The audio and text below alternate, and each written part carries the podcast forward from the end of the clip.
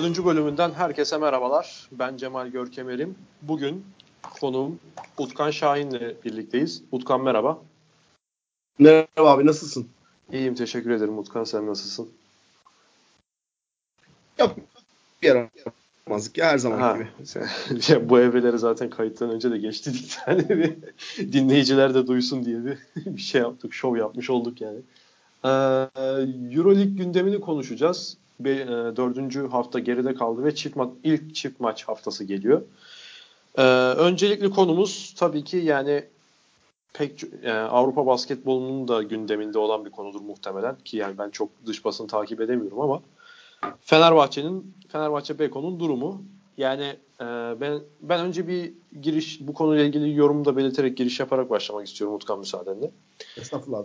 Ee, yani şeye kadar Milano mağlubiyetine kadar ben çok da ciddi bir problem olduğunu düşünmüyordum. Sonuçta 3 maçta 2 mağlubiyet alabilirsiniz. Hani kendi evinizdeki maçı kazanmışsınızdır. Deplasmanla başlamak zor bir süreçtir. Hazırlığınız o kadar rahat olmaz falan filan. Ama Milano mağlubiyeti ve üstüne gelen Galatasaray mağlubiyeti ki Galatasaray mağlubiyeti çok ağır bir mağlubiyet oldu hakikaten de. Ee, o Fenerbahçe'de gerçekten durumun durumun ciddi olduğunu göstermeye başladı bana göre. Belki daha önceden de gösteriyordur ama benim gördüğüm bu şekildeydi. Ee, 10 maçta da bu sezon resmi maçlar içinde 10 maçta da 5 galibiyet 5 mağlubiyet almış Fenerbahçe. Bunun bunu değerlendirebilir misin Utkan? Önce öyle sorarak başlayayım sana. Ya burada bence iki pencereden bakmamız gerekiyor. Yani birinci pencereye bakarsak bu zaten beklenen bir şeydi. Yani bugün ben yazdım sadece kendim yazdım diye söylemiyorum ama birçok kişi sezon öncesi Fenerbahçe'nin problemli olacağını yazdı. Söyledi de. Baktığımızda bu da çok doğal bir şey olduğunu görüyoruz. Çünkü Fenerbahçe zor bir fikstürle başladı Euroleague'e. Ee, bu taraftan bakarsak işin ben Fenerbahçe'nin ölçüde olmasa da bu kadar zorlanmasını bekliyordum. Hatta hala ben insanların kadro mühendisiyle alakalı söyledikleri problemlerin doğru olmadığını düşünüyorum. Çünkü çok değil. İki ay önce Fenerbahçe Euroleague'in Barcelona'dan sonra en büyük favorisi olarak gösteriyordu herkes tarafından. İki ay sonra mı bir anda kadro problemli olmaya başladı? O yüzden ben o eleştirinin çoğuna katılmıyorum. Bu takımın hala zamana ihtiyacı var. Bu işin bir kısmı. Diğer kısmı e, hayatta hepimizin geliştirmesi gereken, işte sorunları çözmemiz gereken sorunlar oluyor. Sadece spor üzerinden düşünmeyelim bunu. Yani işte ders olabilir, başka bir iş olabilir, başka her şey olabilir. Bu açıdan baktığımız zaman da şey dikkat ederiz. Tamam ben bu problemlerimi çözemiyorum ya da çözdüm ya da çözemiyorum. Çözemediğim zaman da ne kadar geliştirmişim ben bu problemleri çözmeye. Yani ne kadar bu konu hakkında ilerleyebilmişim. Fenerbahçe ile ilgili ürkütücü kısım ikinci kısım. Yani bence sezon başlangıcında 5 galibiyet 5 yenilgi çok dert değil. 8'de 2'de 8 bile olsa çok dert değil. Sonuçta bugün Ekim ayındayız. Ee, önümüzde daha 6 ay var. 6 ay olduğu için de çok kolay değil yani şu andan her şeyi silip atmak. Sonuçlardan öte Fenerbahçe'nin problemi gelişim gösterip gösterememesi. Senin orada söylediğin doğru bir yani katıldığın bir kısım vardı söylediklerin arasında. Ee, Milano maçının çok büyük bir etkisi olduğunu söyledin. Evet ona katılıyorum. Çünkü Baskona maçı insanlar yani izleyenler eleştirdi Fenerbahçe'yi. Çünkü çok Fenerbahçe tarzı bir galibiyet değildi Baskona galibiyeti bir açıdan. Ee, bir süper yıldız çıkıp 39 sayı attı ve Fenerbahçe öyle kazandı ve insanların kafasında şöyle bir sorun oldu. Fenerbahçe e, sezon boyunca 80 maç böyle gidemez. Ama bir yandan da bence şey dikkat etmemişler. Fenerbahçe sezon en iyi set, tempo, set temposuna sahipti o maçta. Yani 18 asist yaptı o maçta. Özellikle 3. çeyrek set, set temposu e, Nisan ayına yakın bir performans gösterdi ve Fenerbahçe bazı problemleri çözdüğünü gösterdi o maçta. Yani Dekolo çok formda olduğu için insanlar ona takık. E, ama o, o maçı o şekilde değerlendiriyor ama aslında bir yandan da set temposu yükselmişti o maçta. Yani Milano maçı bunun devamının olmadığını gösterdi. Bu bir hayal kırıklığıdır. Bu bir endişe vericidir. E, Fenerbahçe'nin birçok problemi var. Baştan aşağı konuşuruz. Ama bence asıl büyük problem şu an Ekim ayındaki asıl büyük problem e, o, işi yangına çevirmek. Yani Fenerbahçe'nin problemleri olacağı bir giz şey değildi ama şu an herkes ve takım en başta bunu yapıyor. Bu problemlerin üzerine biraz benzin döküyor. Ee, unutmayın birçok örneği vardır tarihte. İyi takımların e, büyük hayal kırıklığı yaşadığı. Ama bundan daha büyük bir problem vardır. Sezon başındaki o ruh etken sezon başındaki o per, kötü performansın etkisi takıma bütün sezon yansıyabilir. Bunun birçok örneğini size sayabilirim. Fenerbahçe için en korkunç, en problemli nokta da burası. Yani Fenerbahçe şu an kırılırsa bugün bu önümüzdeki hafta bir reaksiyon göstermez ve kırılırsa belki de bütün sezonunu parçalayacak bir kırılma olacak bu. Bu çok erken bir final baktığımız zaman. Evet ama mental problemler böyle şey, şeylerle başlar zaten. Sezon başındaki problemlerden başlar. O açıdan Fenerbahçe'nin asıl şu an dert etmesi gereken şey şu. E, sonuçlardan öte bir reaksiyon gösterip gösterememek. Çünkü kaybedebilirsin. Bugün Fenerbahçe iki tane zor maça çıkacak bu hafta ve ikisini de kaybederse bence sürpriz olmaz. Ama reaksiyon göstermezse büyük bir hayal kırıklığı olur. Yani reaksiyondan kastın kazanmak değil mi? Değil. Yani en azından bir Makabi şöyle bir yani tamam vurup geçmesin ama bir 5 yani bir galip olması değil yani onu demek istiyorsun. Reaksiyonu biraz açabilir misin? Fenerbahçe Makabi çok iyi top oynuyor. Zalgiris çok iyi top oynuyor. Fenerbahçe iki sene de kaybedebilir.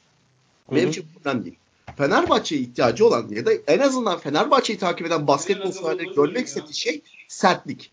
Sertlik ve mental direnç. Yani ben bugün sahaya çıktığımda sonuna kadar her şeyimi yapacağım demesi. Şimdi Milano maçına dönelim.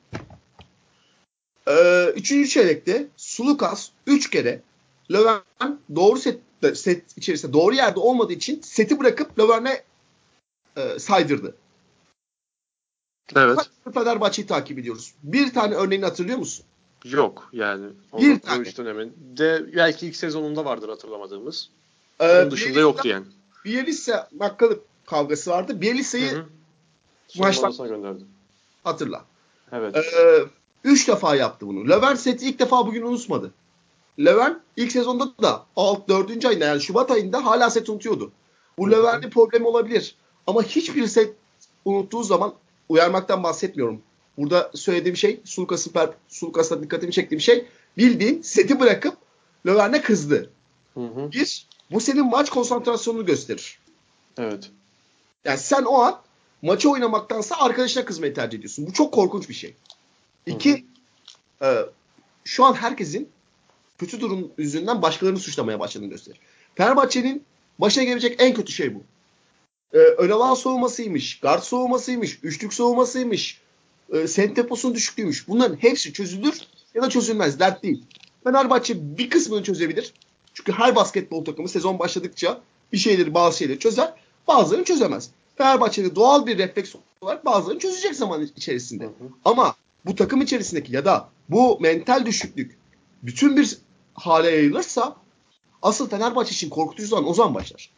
Yani insanlar çok eleştiriyor. Guard problemimiz var. Dört numara şöyle e, do, işte çemberi savunamıyoruz. Bunların hepsi gerçekten küçük problem. Yani küçük dediğim şu anki probleme göre küçük problemler. Fenerbahçe'nin daha büyük bir problemi var. Yangına dönebilir bu ateş. Evet. Ve çok korkunç olur.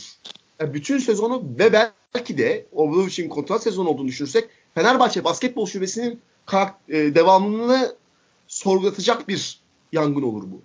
Ve o açıdan evet. benim beklentim galibiyet tabii ki galibiyet olması şu açıdan en azından taraftarının e, içine su serpecek. Benim beklentim bunları görmemek. Sağda her zaman gibi yani Fenerbahçe'nin son 4 yıldır Final Four yapan Fenerbahçe'nin e, son 5 yıldır Final Four yapan Fenerbahçe'nin o bize gösterdi. Biz sona kadar savaşırız ama ne olur ne biter kazanır ya da kaybederim kısmındaki o Fenerbahçe'yi görmek istiyor insanlar. Hı. Sonuna kadar mücadele etme. Konsantrasyonun yüksek olduğu, sahada sadece basketbol oynamak için olan bir Fenerbahçe görmek istiyor. Yani şimdi Dixon e, sert bir karakter ama Galatasaray maçında Obradoviç'te yaşadıkları e, çok çok e, soru işareti olan kısımlar. Ondan Benim... biraz bahsedebilir misin abi? Ben kendim için soruyorum da bunu. Ben maçı izleyemedim çünkü. O ne oldu tam olarak orada? Yani Dixon yaptığı bir hatadan sonra Dixon kenara aldı. Koç evet. Dixon saydırıyordu. Dixon da tepki gösterdi. Ya böyle el falan mı kaldırdı? Evet, elli yani? kaldı. Ha. Evet. Yani memnun olmadığını göster. E, aynısı Melih'le de yaşadı. Yani bu evet. işlerin biraz raydan çıktığını gösteren bir şey. Hı hı. O açıdan e, yani Fenerbahçe şey, takip edenler için asıl sıkıntının e, saha içerisindeki problemlerden daha çok bunlar olduğunu fark etmeleri lazım. Ve bu takımın şu an desteğe ihtiyacı var. Yani Fenerbahçe taraftarının ya da işte Fenerbahçe takip eden basketbol severlerin yapması gereken bir şey, şey bence bu. Ee, evet. Problemler bugün çözülmeyecek. Çünkü Obama için bence en büyük hatası sezon başlangıcı olarak takımı çok fazla problemle karşı karşıya getirmesi. Yani Nasıl mesela? Şu açıdan bu Barcelona bu yaptığında sakatlıkların da şansı oldu ama bir yandan da doğru bir yöntem. Fenerbahçe'de Barcelona'da sezona yeni bir yapılanmayla giren bir takım değil mi? Yani hı hı. ikisi de basketbol planlamaları değişti. Ee, en basit tabirle. Barcelona sakatların etkisiyle rotasyonun düşük bir rotasyona, daha dar bir rotasyonla oynadı. Fenerbahçe ise daha geniş bir rotasyonla oynadı. Şöyle, Fenerbahçe Barcelona'da problemleri çözdük diye bahsetmeye başladık. O hafta Löwen döndü. Löwen 30 dakika oynadı. Yani 25 dakika oynadı. En çok oynayanlardan bir tanesi ki bence hatalı bir karardı. Çok kötü oynuyordu Löwen Milano deplasmanında. Ve sen e, Löwen'in getirdiği sorunları da takıma eklemiş oldun. Zaten problemlerin varken bir anda Löwen'in problemleri de sahaya eklendi. E, Kalinic gitti. Datome zaten çok formsuz derken 3-4 numaranın problemleri var. Orayı çözemiyorsun. E, Derek Williams'ın e, takıma uyumu çok zor. E, zaten sezon başından beri söylenen bir şeydi. Ve bunun getirdiği uyum problemleri var. E, Dekolo Sulukas problemleri var. E, bu takımın kendi zaten saha içerisinde doğal ilk kurulduğunda beklenen işte kısa soğuması gibi e, Vesey'in arkasını doldurmak gibi, rebound problemi gibi, e, set temposu gibi birçok problemi var. E, ne oldu? Sen şu an atıyorum normal bir basketbol takımı 60 problemle uğraşıyorsa Fenerbahçe 100 problemle uğraşıyor. Ve Obradovic hepsini düzeltmeye çalıştığı için kişisel düş- düşüncem e, koç ne kadar bunu kabul eder kabul etmez bilmiyorum. Ama hepsini düzeltmeye çalıştığı için aslında hiçbir şey düzeltemiyor. O açıdan evet. bence Fenerbahçe'nin yapması gereken önümüzdeki iki, iki haftada düşük tempoyu hatırlamak. Çünkü Fenerbahçe'nin e, birinci silahı düşük tempodur her zaman. Rakibini Hı-hı. bozmak düşük tempoda. E, düşük tempoyu hatırlamak. Geçen seneki oyuncuları daha çok süre vermek. Yani o en azından geçen seneyi hatırlatacak o refleksleri tekrar kazanmak açıdan. Ve bununla beraber e, düşük rotasyonla oynamak. 7 oyuncu, 8 oyuncu maksimum. Çünkü ne kadar çok oyuncu girerse şu an rotasyona o kadar çok problem başlıyor. Yani ama mesela oyuncu seçimi de Fenerbahçe'nin şimdiye kadar yaptığı transferler falan bu tip problemleri en az çıkartacak oyuncular üzerinden de hep. Ki zaten sen az önce problem başlığı altında bahsederken hep e, bu kadronun çekirdeği olan Bobby Dixon ve Kostas Sulukas'tan bahsettin. Hani en eskiden beridir bulunanlardan. Tabii yeni transferlerden öyle herhangi bir şey görmedik ama yani bu e, şimdiye kadarki Fenerbahçe'nin bu gibi senin bahsettiğin problemlerle hiç uğraşmamış olması Fenerbahçe'nin bir nevi bir alameti farikasıydı zaten. Doğru muyum? Fenerbahçe hiç bu kadar sezona kötü girdi mi? Yani kötü Obradovic'le beraber girdiğini yok hatırlamıyorum ben. Ha, şey olabilir. Yok girmedi. Hayır evet. Sezona böyle girmedi. Fenerbahçe ee, hiç bu kadar panik olacak bir sezon kısmı yaşadı mı? Abi yaşamadı ama ben ben o konuda sana da katılıyorum. Yine hala bir panik olacak bir şey yok. Hatta bu iki çift maç haftasında 2'de 0 yapınca da panik olacak bir şey yok. Bence her, her konuyu çözebilecek bir e, teknik ekip, takım elbiseli ekibe sahip olduğumuzu düşünüyorum. Ben ki oyuncular da buna uyum sağlayacağını düşünüyorum. Lütfen sen sorularına devam et. Sen soru soruyordun. Yani şu, basketbol ya da sporun ilk doğası şudur. Kaybediyorsan problem başlar. Tabii evet. Kazandıkça yani, çözülür hatta bu biraz. Ya kazandık, yüzden... Kazandıkça daha az şut kullanmayı kabul edersin ya da kazandıkça e, problemleri ya da küçük hataları daha tolere etmeyi kabul edersin. Sana Ama o yüzden sormuştum. E, böldüm özür diliyorum. Sana o yüzden sormuştum. Hani e, iki maçı da kazanması değil midir gösterilecek olan reaksiyon diye hani aslında. Anlatabildim mi? Benim cevabım oyuncu açısından ya da takım açısından evet olabilir. Benim görmek istediğim problemlere dair ümit açısından savaşmak yani mücadele Anladım. etmek. Sen şahs biraz bayağı şahsi fikrini katarak söyledin o zaman. Evet evet. Yani kazanıyor. Tabii ki yani takım kaybedecek diye üzülecek halim yok ama Fenerbahçe için asıl olması gereken bence ilk ihtiyacı olan şey ya da şöyle cümlemi daha düzgün şey yapayım. Fenerbahçe 2'ye 0 çeker ama bizim bahsettiğimiz, hatırladığımız o mücadeleyi ortaya koyarsa e, Fenerbahçe için üzücü bir hafta olmaz. Oradan da ayağa kalkar diyorsun. Evet çünkü Or- reaksiyon göstermiş. Evet. Reaksiyon anladım. göstermiş olur. Reaksiyon da senin problemleri kabul etmediğini anlamına gelir. Benim en baştan beri söylemeye çalıştığım şey bu problem yangın olduğu zaman sen bu yangına cevap vermediğin için yangını kabul etmiş oluyorsun. Evet. Yani ee, evet. o aslında. Fenerbahçe'yi de böyle kapatmış olalım. Senin söylemek istediğin başka herhangi bir şey yoksa. Yani bence Maccabi de Zalgiris maçı da zor maçlar. Şu açıdan zor maçlar. Ee, başka Baskon Baskon'u deplasmana gitseydin. Atıyorum başka bir zor deplasman söyleyelim. Ee, Yani Kızıl Yıldız yok saymazsın da şu aralar ne olabilir? Tempoda oynayan takım düşünüyorum da o açıdan. Alba Berlin diyeceğim ama. Ya o Alba Berlin çok aynı ölçü. Kim ki deplasmanına gitseydin. Evet kim ki evet. E, bu iki deplasmana gitseydin bu kadar zor demezdim. Ama iki takımdan Maccabi de Zalgiris de Fenerbahçe'nin istediği tempoda oynuyor zaten. Hı hı. Ve bu doğal olarak bu takımları bozmak daha zor. Yani Zalgiris maçını Fenerbahçe mutlaka kazanmak zorunda. Yani en azından e, bir açıdan baktığımızda. Çünkü Zalgiris'in iki tane gardı sakat şu an ve e, yani içeride Zalgiris'i yenmek zorundasın. Bu çok basit bir denklem. Evet. E, ama e, Zalgiris'te, Maccabi'de Fenerbahçe'nin e, o istediği temponun kaymağını yiyen, o, o tempoyu isteyen takımlar. O açıdan onlarla oynamak daha zor şu an Fenerbahçe için. E, bu bir zo- de, e, şey talihsizlik bir açıdan. Bir açıdan da şunu da aklıma gelmişken söyleyeyim. E, reaksiyon şu açıdan önemli. E, bu takımın iki maç sonrasında yani bu iki maç sonrasında Bayern Münih içeride nispeten kolay bir maç ama sonrasında CSK ve Barcelona deplasmanları var. Yani hmm. e, 2'de 8, 2'de 7 işte 2'de 9, 3'te 3'te 7 gibi başlangıç e, çok zor bir başlangıç. Çok sert bir başlangıç olur. Evet. Ee, bununla da o zaman Fenerbahçe'yi geçmiş olalım. Anadolu Efes'e gelelim abi. Anadolu Efes Real Madrid'i çok ciddi bir üstünlük kurarak mağlup etti. Ben de maçtaydım zaten ki hı hı. e, Krunoslav Simon'un çok etkili bir performansı oldu. E, onunla ilgili sen neler söylersin? Ben onun üstüne yorumum olursa sana söyleyeyim. Efes'le alakalı neler söylersin? Önce sana sorayım ben. Buyur Efes, sen başla. Efes'le ilgili şöyle bir yanılgı vardı. En azından e, yanılgı değil demeyeyim de bir endişe vardı. E, Valencia deplasmanındaki maç ve Alba Berlin maçı biraz taraftarını ve işte basketbol severleri korkutmuştu. Neden? Çünkü Efes iki maçı da çok ciddiye almadan oynadı. Yani maç konsantrasyonu düşük bir Efes gördük biz iki maçta da ve doğal olarak e, soğumada çok defektif, defektif olan e, problemli bir takım yapısı gördük. Bu da e, haliyle özellikle Barcelona ka- karşı kaybettikten sonra e, soru işaretleri yaratmaya başladı. Ama ben e, Valencia maçının ilk yarısında da söylemiştim. Bence Efes tam şey gibi oynuyor. 2012-2013 Real Madrid gibi oynuyor şu ara. Yani e,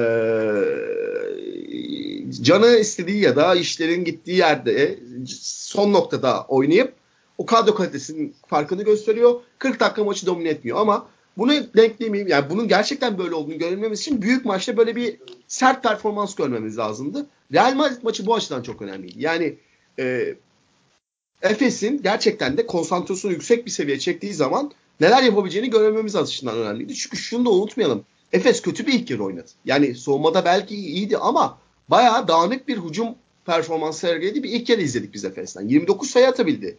Bu Efes'in asıl güçlü olduğu noktanın hücum olduğunu düşünürsek oldukça Efes'i e, zor dur- duruma düşürecek bir durumdu. Ama e, Efes e, ikinci yarıda özellikle Simon'un Valencia deplasmanında kurtarıcıydı. Bu maçta da öyleydi. O oyunu hatta başka pek çok maçta da öyleydi. Yani Fenerbahçe ile oynadıkları Cumhurbaşkanlığı Kupası maçı da öyleydi. Tabii tabii. Ee, ama oyun işte forvetten topu yönlendirebiliyor olması işte o zaman da Larkin'le Miçic'in tepedeki baskısını kırabiliyor olman. Çünkü şimdi e, doğal olarak herkes Larkin ve Efes Miçic'i durmak için e, tepeyi mümkün olunca tepedeki alanı mümkün olunca daraltmaya çalışıyor. Çünkü ikisi de çok iyi bir pozisyon hazırlayıcısı ya da Larkin açısından konuştuğunda pozisyon bitiricisi. O açıdan evet. Bu işin soğumadaki birinci kuralı alanı daraltmaktır. Bunu nasıl çözebilirsin? Genellikle forvetlerden de ikinci bir top yönlendirici bularak. İşte Simon bunu yaptı. Yani hı hı. belki setleri hatırlarsınız. Setlerin başlangıcında hiç Simon setlere başlamadı. Evet. İkinci top döndükten sonra tekrar forvete geldikten sonra ikinci roll ya da ikinci birebir ya da başka bir şey üzerinden topu yönlendirdi Simon ve mükemmel yaptı bu işi. Kusursuz yaptı. Ee, bu da Efes'in o işte ikinci ilk yarıdaki hücumdaki e, dayanık şey dağınıklığını çözmüş oldu. Ee, genel olarak değerlendirirsek de bir e, Efes bir hücum takımı ne olursa olsun bir hücum takımı ve e, Real Madrid'i 60'ta tuttu. Pot altına evet. sokmadı Real Madrid. Yani e, yanlış hatırlamıyorsam 7'de 30'da oynadı ikilik ki bu Real Madrid tarihinin en kötü performansı. Evet 30'da 7. Bakıyorum şu anda istatistik önünde. Evet 7 30'da. 30'da 7. Değişik bir matematik oldu. Kesinlikle. Ben genelde istatistikler hazırlarken öyle yazdığım için aklımda hep öyle. evet. Ee, evet abi. Yani bu çok Efes için bütün artıları yükselten bir durum. Yani bu sertliği göstermesi, mental direnci göstermesi çok önemliydi. Real Madrid zaten problemli bir takımı. Ee, şöyle problemli takım. Onlar da sezonun başındaki o e, dünya şampiyonasından, dünya kupasına gelen oyuncuların yaşadığı formsuzluğu yaşıyorlar ve bundan dolayı bir e, kötü sezon başlangıcı yaptılar. Yani Fenerbahçe'ye karşı zorlandılar. Ve Maccabi maçını bence kaybediyorlardı. Carroll mükemmel bir şutör olduğu için kazandı. E, Zalgiris dağıttı son çeyrekte. E, o açıdan e, top noktada bir Real Madrid izlememiş olabiliriz. Ama yani aynı zamanda Efes için de aynısını söylediniz. Çünkü herkes için sezon başı. Ee, bu anlamda ben Efes'in çok çok önemli bir galibiyet aldığını hatta birçok takımın yani onları kendisine rakip gören birçok takımı da endişelendirecek Efes neymiş be abi diyecek bir galibiyet aldığını düşünüyorum. Çünkü çok çok önemli bir direnç noktası gösterdi Efes bize. Yani maçın 40 dakika boyunca bu maçın büyük maç olduğunu hissedip 40 dakika boyunca konsantrasyon açısından soğumada hiç düşmedi Efes. Ama bir hafta önce izlediğimiz Valencia deplasmanında izlediğimiz Efes ilk yarıda e, yani basit bir birebirde bile ayaklarını çekmekten tenezzül eden bir Efes. Yani bu iki geçiş bir anlamda tehlikelidir. Bu uzun vadede tehlikeye gidebilir. Bir anlamda ise e, senin e, konsantrasyon seviyinin yukarı çekte ne hale geldiğini gösterir. Yani Otan... şu evet. Bitmiş miydi cümle? Bitmişti abi. Ha peki. Ee, yani şu cümleyi de kurabiliriz o zaman. Efes geçen seneki oynadığı finalin bir sezonluk bir iş olmadığını veya tesadüf olmadığını artık ona ne deniyorsa göstermiş oldu diyebiliriz bu maçla ilgili. Abi e, yani tabii ki göstermiş oldu. Bunu kesinlikle diyebiliriz ama bir yandan da şöyle söyleyebiliriz. Elinde Larkin ve Miçic varken zaten bu tesadüf olamaz. Yani yani tabii. Ya tesadüfü ben ekledim de hani bir sezonluk bir durum olur ya bazı takımların. Tabii tabii. Ama yani Miçic de Larkin de şu an e, muhtemelen e, Euroleague'in en tehlikeli ikilisi. Larkin için bu maç özelinde bunu söyleyebilir misin peki? Çünkü ben Larkin'i bu maçta pek beğendiğimi söyleyemem. Yani... Yok en iyi gününde değildi ama Larkin o kadar çok e, yani şu maç kötü bir maç oynuyoruz dedin. Haklısın kesinlikle katılıyorum. Hı-hı. Ama bir anlamda rakip soğuma bu adamın Tabii. Larkin bildiği için de bu şekilde bir soğuma stiliyle çıkıyor. Yani senin elinde Larkin değil de bir alt sınıfta bir oyuncu olsaydı daha bir problem yaşarsın. Çünkü e, Larkin'i soğumak için e, Efes'teki başka oyuncuların konfor alanlarını genişletmek zorunda kalıyor rakip soğumalar. Yani bu evet. da e, Efes'in daha komple bir hücum takımı olması. Mesela Miçic'in üzerindeki yükü kaldırıyor. Geçen sene hatırla Miçic'i. Maç evet. sonunda çok problem yaşayan bir adam. Neden? Çünkü bütün e, sorumluluk onun üzerine kalıyordu. Direkt Olympiakos deplasmanı geliyor aklıma. Çok kötü bir maçtı hatırlarsın. Evet. Yani İlmin Miçic'in abi tamam yani yetenekli ama bu seviyede değil dediğimiz bir maçtı. Şu herkes Twitter'da böyle yazmıştı sosyal medyada. Hı-hı. Ama aslındaki problemi şey olduğunu gördük. Adamın tek başına kalmasının verdiği büyük fazlalığı vardı. Yani Larkin işin içine girince Mitch'in ne kadar rahatladığını Barcelona serisinde gördük mesela. Çok inanılmaz bir seri oynadı Barcelona. Evet. Ki hatta bence Fenerbahçe'yi geçen ben bunu her hep söylüyorum yani bütün basketbol konuşulan yerde Twitter'da da yazıyorum. Yani geçen sene Fenerbahçe'yi mağlup eden Larkin'in 30 sayısı değil Mitsic'in 25 sayısıydı bence. Yani Larkin'in 30 sayısından daha çok Mitsic'in 25 sayısının katkısı olduğunu düşünüyorum. Çünkü ben bence de... senin dediğinden bir adım ileri gidiyorum. Larkin'in e, fonksiyonu daha çok Mitsic'i rahatlatmak ve artık rahatlattıktan sonra ne kadar atarsa da kardır diye düşünüyorum ben Efes'in yapılanması içerisinde. Bilmiyorum tabii aynı fikirde olan kaç kişi vardır ama ben Mitch için çok daha kilit ve önemli bir görevi e, fonksiyonu olduğunu düşünüyorum şey içerisinde Efes'in yapısı içerisinde. Ya bunu iki açıdan bakabiliriz. Bir açıdan evet senin dediğine katılıyorum. Çünkü Miçic diğer 4 oyuncu, 3 oyuncunun da ya da işte kenardaki düşünürsek de diğer 10 oyuncunun da sahada olması için oynayan bir oyuncu. Lakin daha kendisi için oynayan bir oyuncu. Ama ee, bir sağ lideri varsa en azından geçen seneki büyük maçlarda gördüğümüz kadarıyla sağ lideri bu işin Larkin. Çünkü e, büyük topları da, büyük şutları da, büyük yetenek farkında sahaya o an koyabiliyor. Yani e, evet bir açıdan dediğine katılıyorum. Mitch için 25 atması çok önemliydi o maç. ben orada sana şöyle bir ayrıntı yani bir, bir parantez açmak istiyorum. Bence Fenerbahçe geçen sene Efes'e e, yarı finalde kaybetmesinin en büyük sebebi sakatlıklar konularını dışarı koyarak söylüyorum. Zalgiris serisinde kısaların e, Fenerbahçe potasına ne kadar saldırarak sayı çıkarttığını göstermesiydi Zalgiris'in. Yani hatırlarsın hı hı. ikinci maçta Val Nate Walters, Thomas Walkup evet. Ee, Westerman sürekli ikili oyun sonra kısaların ayaklarına ters ayaklarına evet. sırdı ve sürekli perişan etti Fenerbahçe ikinci maçta. Ve maçın evet. devamında da en çok tutundukları şey buydu. O, o gün aslında yani ben Ataman'ın o serileri tabii ki izlediğini düşünüyorum ve o gün Ataman'a bir böyle şey gösterdi. Fenerbahçe İpucu verdi yani. Aşil tendonunu gösterdi aslında o evet. seri. Çünkü Beşiş o gün 25 attı ve bir asist falan olması lazım. Yani normalde bir performans değildi o. Klasik bir bir performans değildi. Tamamıyla kısalarıyla e, potaya gitmeyin e, planlamasını yapmıştı Efes. Ya tabii bunun detayını da açıklamamız biraz uzun sürer ama ben şunu da söyleyeyim yine. Fenerbahçe eğer tam kadro ve sağlıklı olarak şeye çıkmış olabilseydi geçen seneki Final Four'a benim iddiam bu. Larkin yine 30 belki 35 atardı ama yine Fenerbahçe o maçı kazanırdı diye düşünüyorum ben. Larkin'in 30 atmasında değişecek bir şey olmayabilir. Çünkü Larkin her türlü atıyor abi. O maçta da hatırlarsın ki hatta geçen seneki final serisinin 7. maçında da o bu dediğim sahne çok göründü. Şimdi adam turnikeye kalkıyor. Havada adamı itiyorlar yani. Artık hakikaten itiyor yani. Artık Veseli mi kimse artık Kalinic mi şey yani bıkmış artık herifin girmesinden. İtiyorlar havada. Havada itiliyken böyle bir dengeyi bulup da atabiliyordu. Şuta kalkıyor mesela. Havada kendisine ne kadar müdahale edilirse edilsin veya ne kadar rahatsız edilirse edilsin bir şekilde dengeli atmanın yolunu buluyordu. Yani Larkin'i durdurabilmek imkansızdı. Ama Anadolu Efes'i durdurabilirdi diye düşünüyorum ben. Geçen seneki yarı final ben için konuşuyorum bunu. Katılmıyorum çünkü bence geçen seneki Final Four'un bize gösterdiği bir şey var. Benim e, düşüncem en azından böyle. E, son 4-5 yıldır Euroleague takımları NBA'nin üzerine o kurduğu transfer baskısı yüzünden e, işte bir çekirdek oluşturmanın peşinde. İşte Real Madrid, Efes, e, Efes demişim. Real Madrid, Fenerbahçe, CSKA Moskova, bir ölçüde Olympiakos.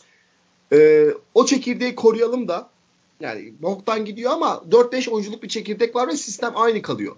Hı-hı. Boktan yerine bir adam arıyorsun ya da işte e, ek bir yerine birisini arıyorsun ama çekirdek var arkada bir plan. Fenerbahçe evet. Real Madrid açısından İspanyol çekirdeği var. CSK açısından çok uzun süre dek, dekolo üzerine kurdukları bir çekirdek var. Ee, bu çekirdek kalsın da gerekirse biz daha az yetenekli oynarız psikolojisi vardı. Yani e, potansiyel takımların için en iyi hamleleri değil de çekirdeği düşünecek hamleler yapıyorlardı. Ki Ama Fenerbahçe'nin baş, geçen sezonu normal sezonu bunun başarılı olmuş versiyonuydu diyebiliriz yani. Evet. Evet. Playoff'lar açısından da bunun başarılı olduğunu gördük. Ama iş evet. fora geldiği zaman yeteneğin e, e, takım kurgusundan daha önemli olduğunu gördük bence. Çünkü sadece Efes Fenerbahçe üzerinden değil, CSK Moskova Real Madrid serisi üzerinden konuşabiliriz. Çok açık bir şekilde o maçı Real Madrid'in kazanmasını bekliyorduk. Ama yetenek daha fazla geldi CSK'da. Yani yetenek tartısına koyduğumuzda CSK'nın 4 tane oyuncusunun birebir oynayabiliyor olması, birebir üzerinden sayı üretebiliyor olması daha ağır geldi. Efes CSK maçı birebir daha fazla yetenekli olan takım daha kazandı. Yani Euroleague'de bence bu sene ben bu kadar çok değişimin olmasının, bu kadar çok e, önemli oyuncu gelmesinin ve işte takımların büyük bir oranda değişime gitmesinin en büyük sebebinin bu olduğunu düşünüyorum. E, Efes sonuçta 10 yıl 10 oyuncuyla başladığı sezonda yetenek fazlasıyla Fenerbahçe'yi yendi. Ya da ligde de aynısını söyleyebiliriz. E, yetenek fazlasının ne kadar önemli olduğunu aslında Efes Euroleague takımlarına gösterdi. Ve ben o yüzden Fenerbahçe'nin bu yaz Dekola ve e, Derek Williams'a gittiğini düşünüyorum. Derek Williams transferi Fenerbahçe'nin mantığına ya da planlamasına uyan bir transfer değil. Bugünün değil Obradovic'in kariyerine baktığımızda böyle bir dört numara bulamazsınız. Yok böyle bir dört numara. Obradovic genellikle tepeden üçlük atmasını istediği, ikinci pas opsiyonu olmasını istediği, Rubanş'ı dört numara peşinden koşan. Derek Williams bütün kariyeri boyunca so, sağ alt köşeden birebir oynamayı tercih eden, atletizmini kullanan ve sırt dönük oyun sıkıştırmayı çok sevmeyen bir oyuncu profili. Hiç benzerliği yok Melli ile. Normal şartlar altında tamamen yani şey için söylemiyorum. E, sadece oyuncu portföyü için söylüyorum.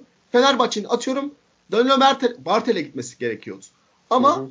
Derek Williams'a gitti. Bu yetenek evet. havuzu için yapılmış bir hamleydi aslında. Çünkü gösterdi Efes bize geçen sene. Yeteneğin ne kadar önemli olduğunu. Evet. Ya ama bir de şunu da soracağım sana bu konuyla ilgili. Sen basketbolda eski maçları daha çok e, izliyorsun, takip ediyorsun. Hatta yemek yerken izlediğini de söyledin bana. E, şey bu Obradovic'in farklı kadro yapılanmalarıyla çok farklı kadro yapılanmalarıyla başarılı olduğunu varsayacak olursak yani Partizan'dan tut İşte Juventus'undan Real Madrid'inden veya işte Panathinaikos'una kadar. Hatta Benetton'u da sayarsın oraya. Yani çok benzer kadro yapıları yok bunların. Yani Obradovic kendi e, nasıl söyleyeyim sahaya yansıtmak istediği oyun tarzını çok esnetebiliyor diye düşünüyorum ben. Sen aynı fikirde misin? Daha çok takip eden, daha çok izleyen birisi olarak soruyorum. Sana. Yani şöyle açıklayabiliriz bunu. Obradovic'in kariyerini ikiye bölmemiz gerekir bunu açıdan. Yani şey de unutmayalım. Panathinaikos dediğimiz dönemde beraber 99'dan 2019'a kadar geliyor. Evet tabii evet. ki e, farklı denemeleri var Obradovic'in. Farklı basketbol stilleri var. Yani en basitinden Fenerbahçe'nin ikinci yılında ilk Final Four'a kaldı seneki takım. Şu anki Fenerbahçe ya da geçen seneki Fenerbahçe kültüründen daha farklı bir kültürdü.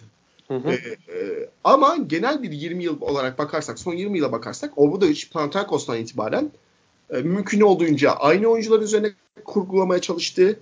Düşük tempoyu tercih etti. Ve savunmayı öne çıkarttı. Düşük tempo sayesinde bir takım kurgular. Ha, bunun aksi örnekleri var mı? Evet özellikle e, mesela Obradovic'in kariyerinde hiç uzunlar lider olmaz. Takımın ilk oyuncusu olmaz en azından o açıdan söyleyeyim. Ama evet. Sabonis gibi bir şey vardır Real Madrid'de. Sen şimdi ya, gerizekalı da değil bu adam Sabonis'in üzerine oyunu kurgulamayacak.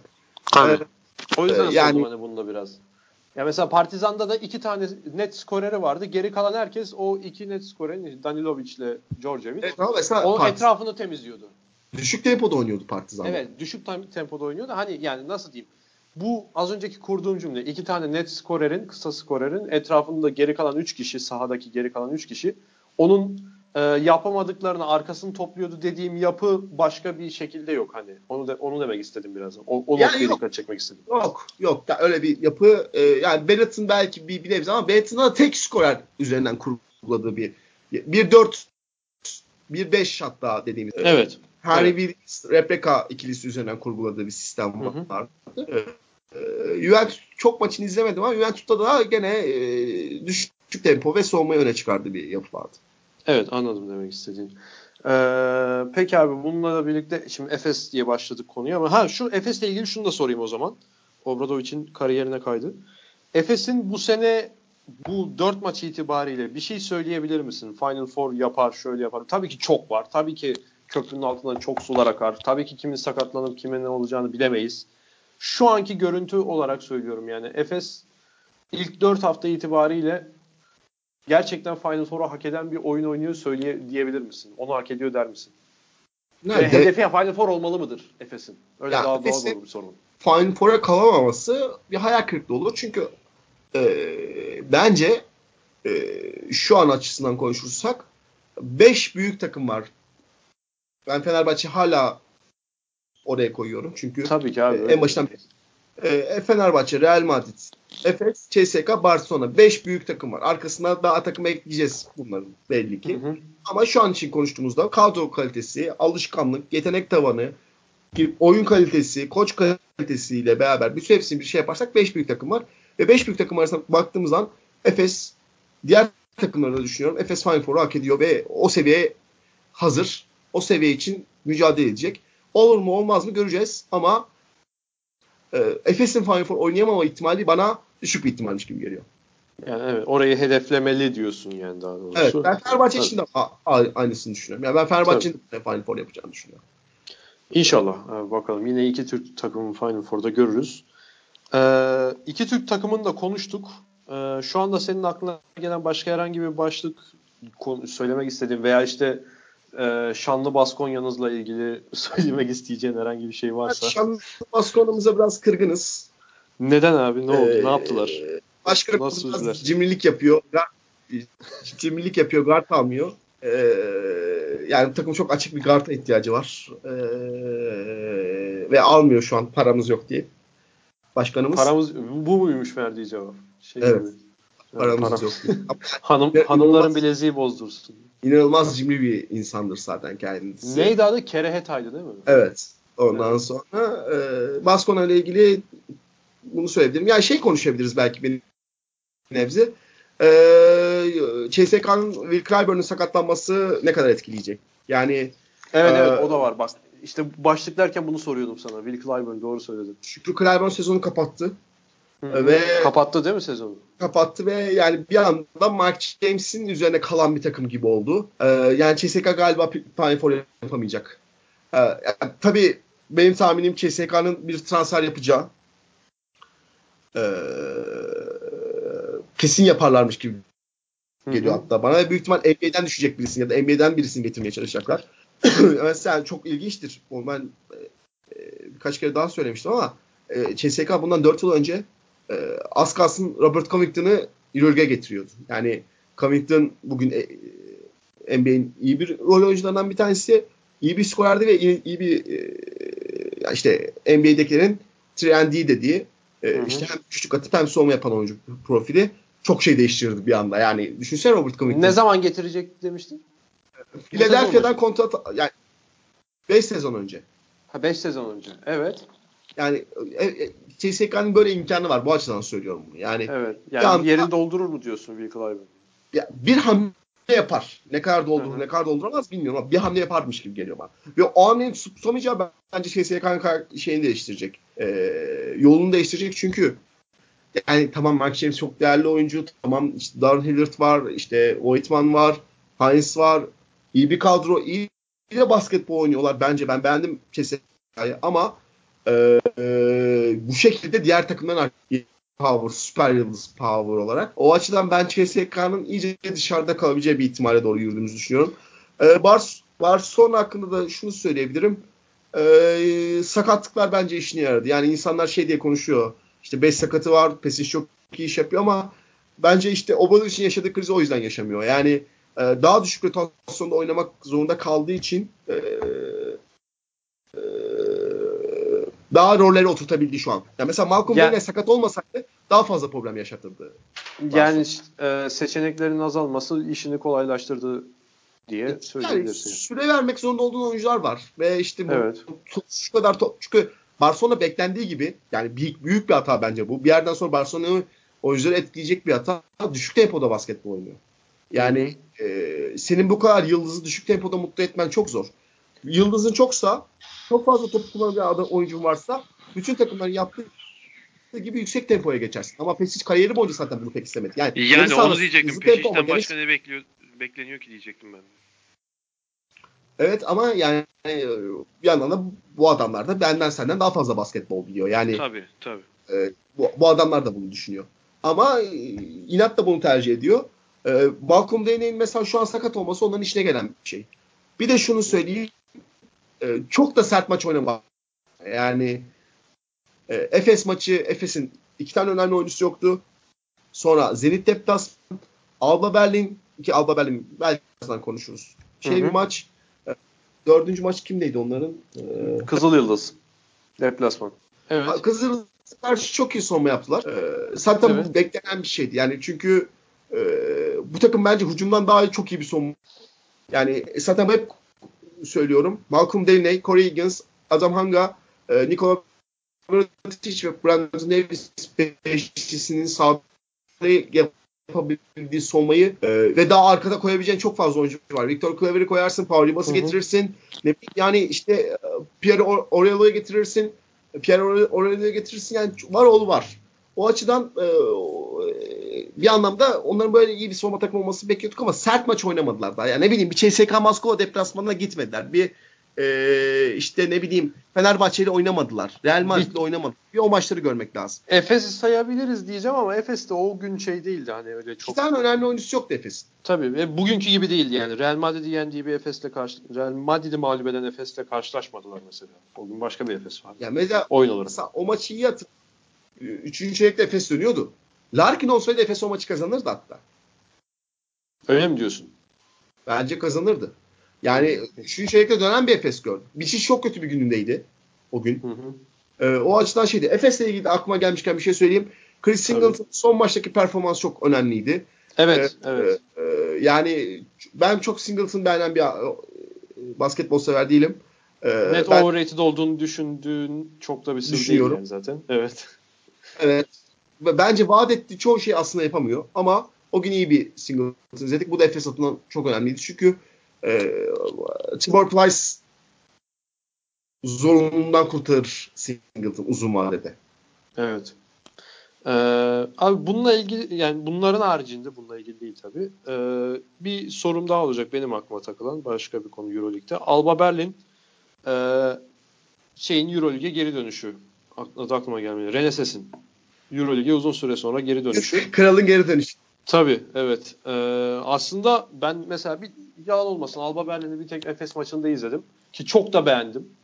Yani e, belki nasıl diyeyim böyle Efes'e çok ciddi üstünlük kuramadılar ama hücumdan ne yaptığını bilen spikeri de spiker de bahsetmişti bunu kimde hatırlamıyorum spiker ama sahaya abi bu kadar kısa sürede yerleşen ben EuroLeague'de uzun süre bir takım izlememiştim hiç. Yani e, topu aldık, aldıkları an aldıkları anda demeyeyim. Sayı yediler. Tamam yiyip yemeleri fark etmiyor hatta. Sayı yediler ve topu karşıya geçirir geçirmez hemen şak diye herkesin nerede duracağı belli ve set devam ederken makine gibilerdi yani o konuda. Makine gibi olmalarından ziyade bir de at, şutu atarken kendilerinden çok eminler. Ben, yani acaba yanlış mı yapıyorum falan bir tereddüdü olur pek çok oyuncunun. En iyi takımlarda bile bunu görebiliriz. Ee, ama Alba Berlin Efes karşısında böyle bir performans göstermedi. Diğer maçlar hakkında net bir fikrim olmadığını da söyleyeyim bu arada. Belki CSK ve Barcelona karşısında ki fikstürleri de çok acayipmiş bu arada. Ee, CSK ve Barcelona karşısında bu dediğimi çok çürüten bir performans olmuştur. Ee, fakat kaybetmeleriyle de beraber Efes'e, Barcelona'ya, CSK'ya bu oyunun karşılığını alabiliyorlar mı yoksa zaten bunların yapabileceği bu kadar mı? Ne diyorsun sen bu konuda? Ya şimdi bu oyunun karşılığını alabiliyorlar mı kısmı daha bir erken bir soru bir. İkincisi ya sen de söylediğin çok zor bir fikstür. Yani e, bugün e, Final Four yapan 3 takım. Geçen sene Final Four yapan 3 takım yok. Barcelona e, değil ama yani en azından bu sene Final Four yapması beklenen. Yani tane... yaptı gibi sayılıyor kurduğu kadroya göre yani. Bayağı evet. bir Evet. Yani 3 büyük takımla oynadın. E, bunlar yani zaten senden yetenekli takımlar. Alba Berlin'e gelirsek Alba Berlin yani Reneses zaten benim hayranı olduğum koçlardan bir tanesidir. Avrupa'da basketbolda en çok sevdiğim 5 koçtan bir tanesidir. Çünkü e, oyuncu gelişimi konusunda bir üstattır. Gerçek bir üstad. Yani yani bugün Rudy Fernandez, ne bileyim Kristaps Porzingis, işte daha birçok oyuncu sayarsınız. Ricky Rubio hepsi onun tecrübesinden geçip o seviyeye geldiler ve e, ben mesela hep şeyi çok merak ederim e, Porzingis'in NBA'ye gittiği sene şey demişti. Bir sene daha bende kalsaydı, bir sene daha burada kalsaydı çok büyük bir süper yıldız olacaktı demişti. Çok merak ederim bir yıl daha kalsa Porzingis e, Reneses'in yanında ne yapacaktı diye. Ben çok severim Reneses'in. Ya Reneses... Sana bir ekleme daha yapayım. Çok özür dileyerek bölüyorum. Ekleme daha yapayım. Yasikevicius da kendi oyununda çok ciddi payı olduğunu söyler. Reneses'in. Doğrudur. Öyle hatırlıyorum kitapta. Doğrudur. Bilmiyorum sen hatırlıyor musun Doğrudur. da.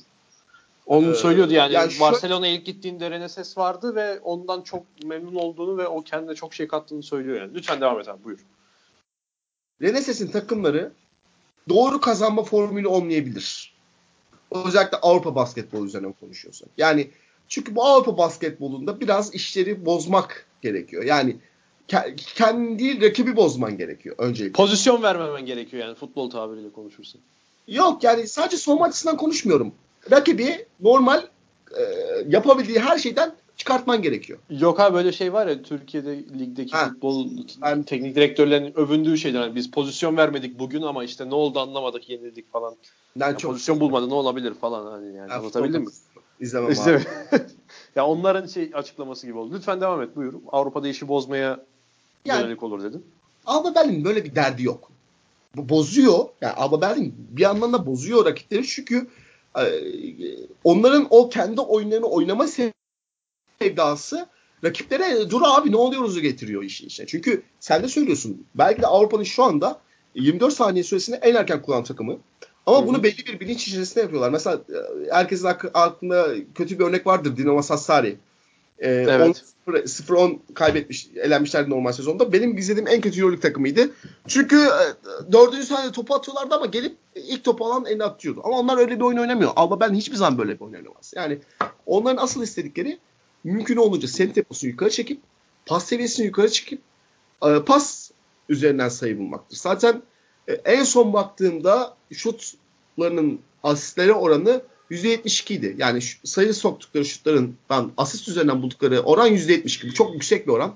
Ee, en yakın rakipleri %48'deydi en son. Ee, bu bile Alba Berlin'de kendine karakteristik bir takım olduğunu gösteriyor. E, bu çok önemli bir şey ve bir yandan da şey çok hoşuma gidiyor benim. E, bu takımdan ileride izleyeceğimiz iyi oyuncular çıkacak. Yani şey Rokas Giadratis, ne bileyim Peyton Siva, e, Peyton Siva ya da işte ne bileyim e, belki daha önce Sakarya'da izlediğimiz Enkonko ya da hı hı. E, daha çıkar yani ya da işte şey Tyler Kavanagh geçen sene aha, evet. geçen sene Cleveland'da oynayan. Yani evet. bunlar e, Reneses'in şeyinden çıktıkça e, eğitimden geçtikçe Euroleague takımların daha çok dikkatini çekecek şeyler. Martin Hermanson benim çok beğendiğim bir oyuncu. İzlanda'da ilk çıktığı günden beri izledim ki o zamanlar daha Fransa 2. liginde izliyordu. Hatta geçen sene az kalsın Daçka'ya geliyordu. İlk defa bir oyuncunun Türk takımına gelmediğine memnun oldum çünkü e, Reneses'in yanına gitti. E, evet. E, yani çok iyi oyuncular bunlar bir anlamda. İlerisi için bize e, daha fazla izleyebileceğimiz oyuncular. Bir anlamda çok güzel basketbol oynuyorlar. Hani sonra da göre dönersek bu şekilde maç kazanmaları zor. Neden zor? Ee, yani mesela Efes maçında da görmüşsündür. Akıcılığa o kadar çok önem veriyorlar ki bazen soğuma artık e, düşüyor. Yani kendi kendine soğumayı arka plana atıyorlar. Agresif bir takım değiller. E, soğuma açısından konuşuyorum. E, zaten soğumada çok çok iyi parçaları yok. Problemli oldukları noktalar var. Bütün bunlar birleşince yedikleri sayıların hep yukarı çıkmasına sebep oluyor. E, ama izlemek zevkli mi? Ben yani bence e, playoff yapamayan her takım keşke Alba Berlin gibi olsa.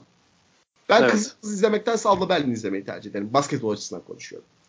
Evet. Ee, ha bir de akıcılık üzerine söyleyecektim. Hı-hı. Bence e, Reneses'in her zaman akıcılık üzerinden bir e, şey vardır. imzası vardır. Ama bugün bir istatistik uğraşırken farkına vardım. Sadece 4 tane mola almış 4 Euroleague maçında. Of. Yani adam mola bile almak istemiyor akıcılık. yani dalıyor demek ki maçı izlemeye de. yani Yok, dal, yani bu adam Reneses. Dalma ihtimali. Ya tabii abi espri yapıyorum da. Estağfurullah estağfurullah da yani şey ee, bu arada yani bence bu bilinçli bir şeydir diyorsun yani. Evet tabii ki bilinçli ama hatalı bir kararda. Yani e, molaların bir tanesi Barcelona 14-0'lık seriye kalmış. Abicim alsana molanı. Ya alman gerekiyor Ama adam şey korkusundan set akıcılığı kaybetme korkusuna o, almadı molaları. Oynasın çocuklar ya diyor. evet. Ee, abi başka söylemek isteyeceğin genel Avrupa basketbolu ile ilgili herhangi bir konu yoksa burada Yok programı kapatalım diyorum. Eklemek isteyeceğin herhangi bir şey. Çok teşekkür ederim çağırdığın için. Ben çok keyif aldım. Estağfurullah abi. Ben ben teşekkür ederim katıldığın için, e, kırmadığın için. Euro Eurocast'in ikinci sezon dördüncü bölümünde burada noktalamış olduk. Bir son iki, e, çift maç haftasına gireceğiz. İki takımımıza da başarılar diliyoruz. İnşallah da keyifli bir çift maç haftası olur. Basketbola da doyarız. Ben Cemal Görkemer'im. Utkan Şahin'le beraber Dördüncü hafta öncesini ve sonrasını ve dördüncü haftayı değerlendirdik. Bir sonraki bölümde tekrar görüşmek dileğiyle diyelim. Hoşçakalın. Hoşçakalın.